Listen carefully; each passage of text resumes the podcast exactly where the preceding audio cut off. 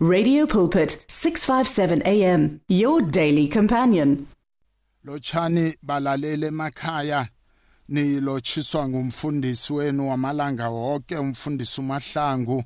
eh nginilotshisa ngisuke emhathweni omkhulu iRadio Pulpit ngisebandleni lefe heavens lapha ya kwamhlanga radio pulpit umnganakho wamalanga wonke sisehlelweni ke manje ikonzo ngibawa ke balaleli eh nani bazalwane emakhaya nilisten kwenzako sihlephule msinyana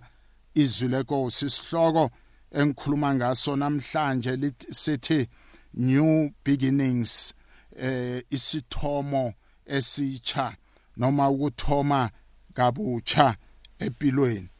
bazalwane impilo angekhe ithome kabutsha wena mnikazi ungakayilungiseleli pilo ngekhe ibuyele yona izithomele funeka omunye nomunye wethu okholwako omntwana kazimu enze izwi lenkosi njengoba litsho impilo yakho iza kuthoma kabutsha kuyenzeka empilweni ndlela esiphila ngayo siyithokozeli izinto ezinye sazenza izolo lethu izolo esingathokozi ngalo izolo lethu zizinto ezimbi asifuni nokuzikhumbula kodwani ifavor ongazenzela yona mntwana kazimu nawe mlaleli ekhaya ukuthi ubuyisane nozimu buyele kuye umbawe bonyana athome ipilo yakho kabutsha bonyana wena uthome kabutsha empilweni kufuneka ukuthi uyilungiselele impilo yokuthoma kabutsha ayimani izenzakalele kufuneka udinwe impilo yakho leyo uyiphilako kufanele utsho kubonyana zimu sekwanele ngiyiphilile impilo engakalungi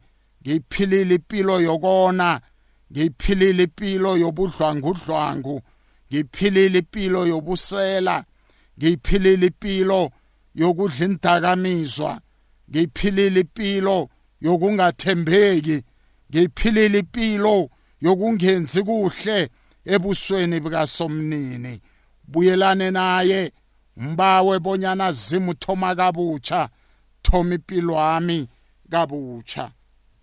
zimu uyasithembisa uthi khona ipilo etsha uthi yena usithembisile ukuthi khona ipilo lapho yena azokuchugulula izinto lapho yena azokunikela okuhle empilweni yakho asuse ubuhlungu alethe ukujabula asuse ihlazo alethe ukuhlonipheka asusa izono zakho alethe ukuphila kuhle asusa ubumbi bakho alethe ubuhle uzimethu sithembisile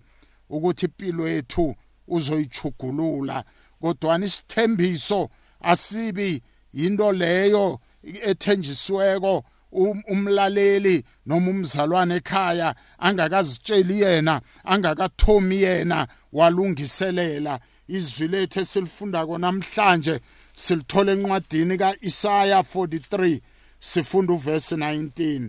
qalani sele ngizokwenza into etsha nakhu sele ivumbuka khana niyiboni na mbala ngivula indlela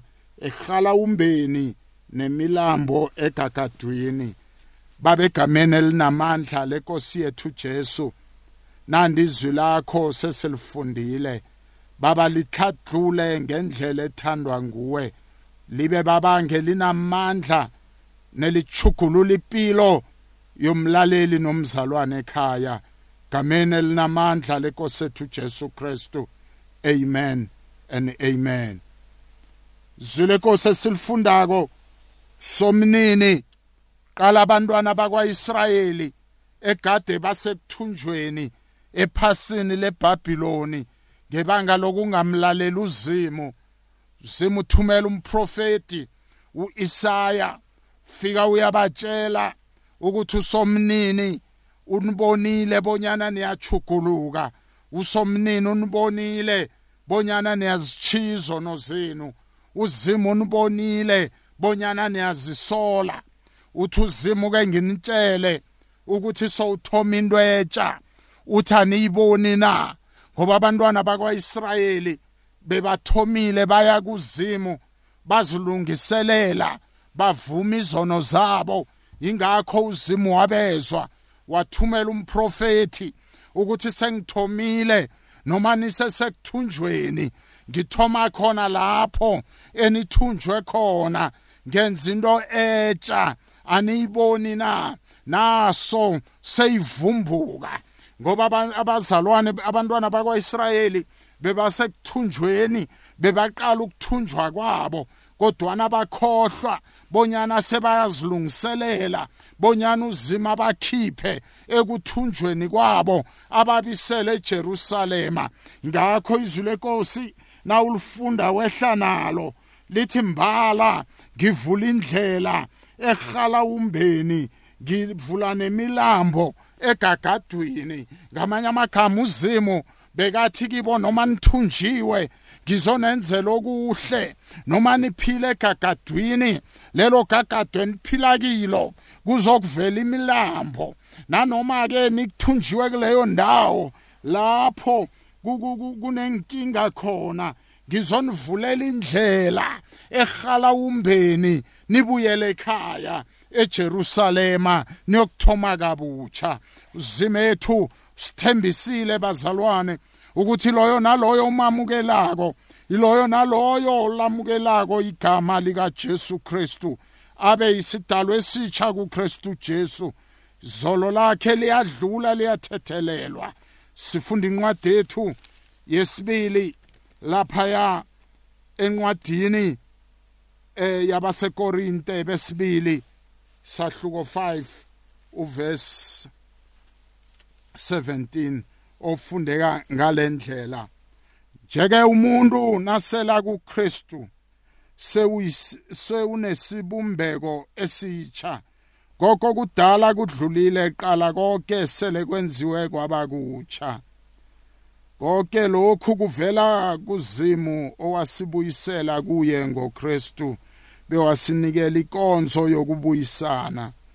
okutsho bona uzimu wabuyisela iphasi kuye ngoKristu azange abale imphambeko zalo kodwana wasinikela umyalezo wokubuyisana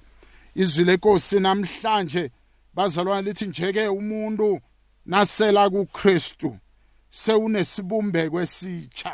sewusinesithomo esitsha once unesibumbeko esitsha nesithomo sakho noma isiqalo sakho sesitsha ngoba isihloko sethu esikhuluma ngaso sithi ukuthoma kabutsha the new beginnings nase umamukela uJesu izolo lakho liyakhohlwa nase umamukela uJesu okokthoma kudlulile sekufika okutsha okuthi konke okudala kudlulile qala konke sele kwenziwa ikwaba kutsha ngamanye amagama na umamukela uJesu mlaleli nawe mzalwane ekhaya zono zakho zithethelelwe koko kudala kudlulile qala sekufika okutsha uyisidalo esitsha uyisibumbeko esitsha uzima kakubaleli izono zakho konke sekudlulisiwe uyisidalo esitsha nawufuna thoma kabutsha empilweni phenduka ngeqiniso ungacabangi ukuthi izinto zizozijikela zona noma izinto zokuthoma kabutsha kuze uthome kabutsha empilweni yakho mlaleli nanzi izinto ekufanele zenzeke kufanele ube nobudlelwano obutsha nozimu kufanele ube sisakhamuzi esitsha ekhaya ezulwini kufanele ube semndenini omutsha wekhaya ezulwini kufanele ube nomnqopho omutsha umnqopho wakho omdala iguqulwe ingqondo yakho yenziwe ibe ibe yitsha kufanele ube namandla amatsha kufanele ube nendawo etsha oyakiyo ozokuchinga kiyo ulise ukuthinga etshwaleni ulise ukuthinga e, ekulahlweni ulise ukuthinga kubojezebheli ulise ukuthinga ezintweni ezingamthokozisi uzimu ulise ukuthinga kumana iclub ulise ukuthinga endaweni zokuzithokozisa uthome uthinge eJerusalema endaweni lapho uzima khonzwa khona thome nekhambe litsha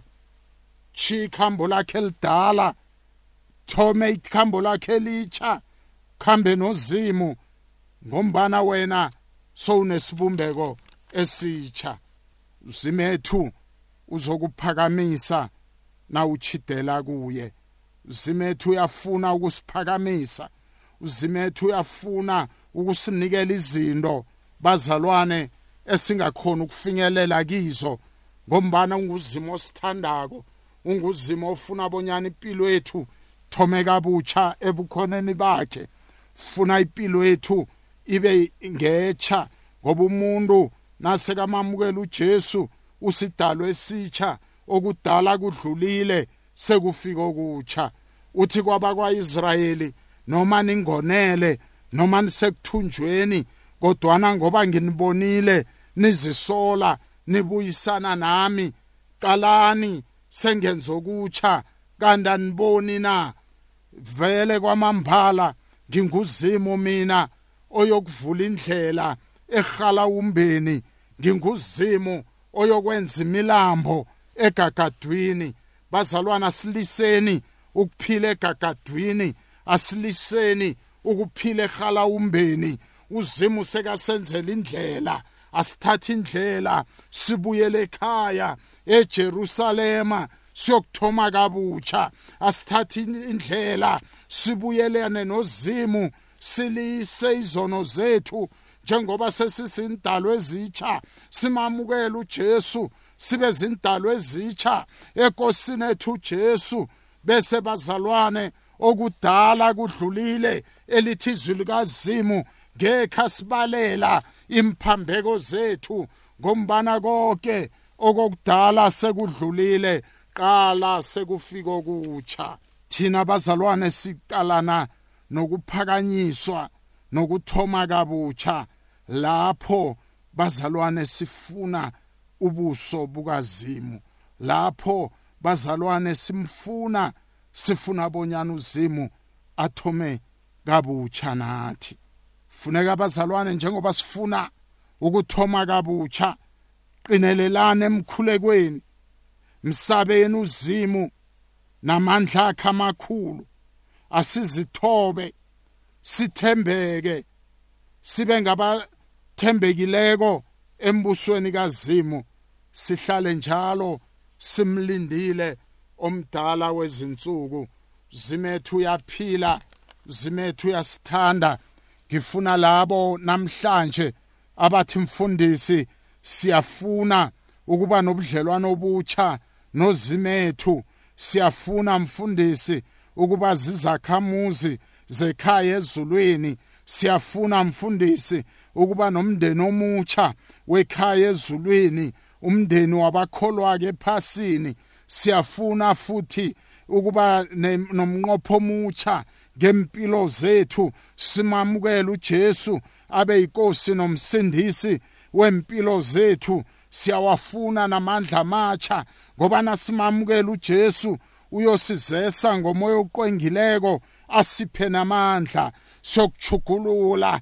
nendawo lapha siya khona angekhe sisaye ematshwaleni ngekhe sisaya emathaveni ngekhe sisaya endaweni zokuzijabulisa kodwana siyo yeJerusalema iJerusalema indawo yakazimu ophilako yindawo lapho uzima akhonzwa khona Jerusalema yakho ukuye ebandleni labazalwane abakhona endaweni ophila kiyo it's your new destiny ungasaphindi uye lapho ubuya khona uyibonile impilo yesodoma negomora ukubonile lapho ubuya khona ukubonile enqindezelweni obuya kiyo namhlanje loyo othi mfundisi ngithoma ikhambe elitsha elingiqondisako elingisekhaya ezulwini phakamisana izandla ekhaya ngizokhuleka nawe ungahlali nje uthule uthi du nawe vuma ngehliziyo yakho nangomlomo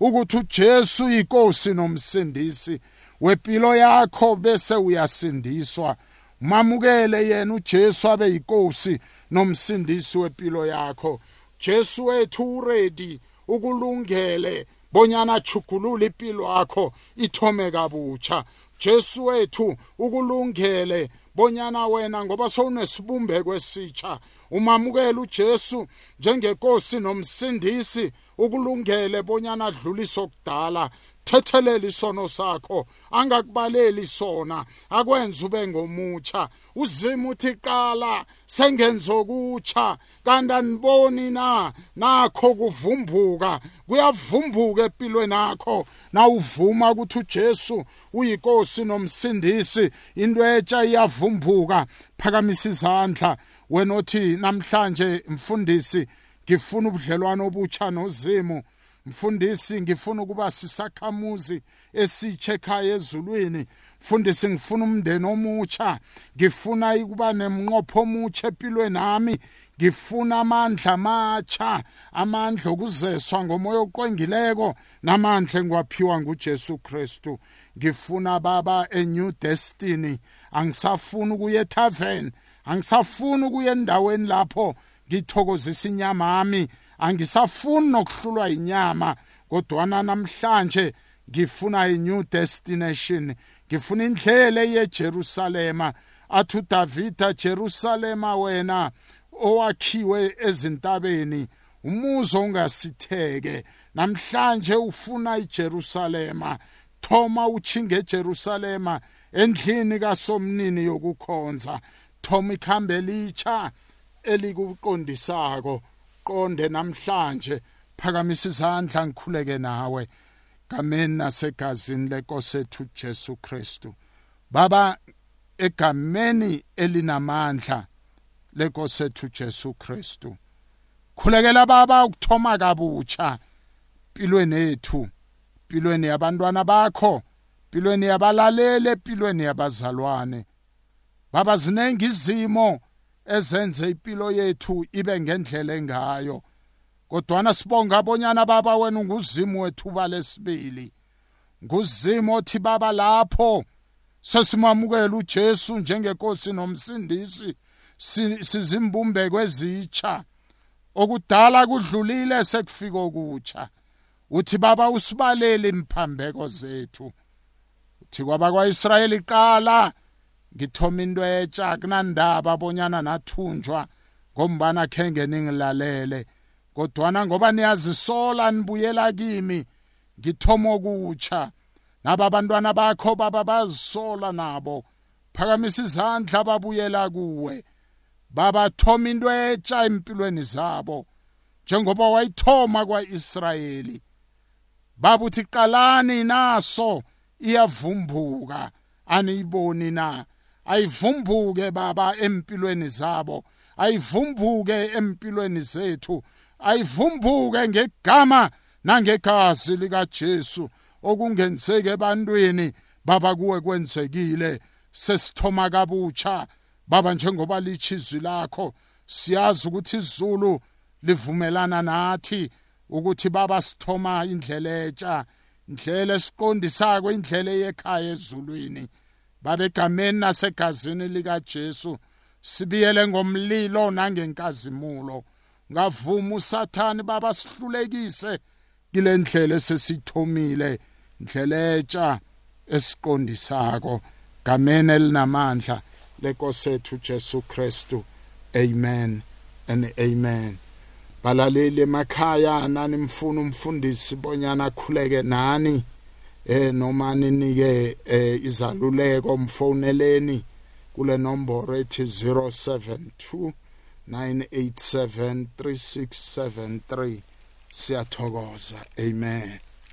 The words of the Lord are words of life. Your heart is on 657 AM. 657 AM. Radio for believers in action.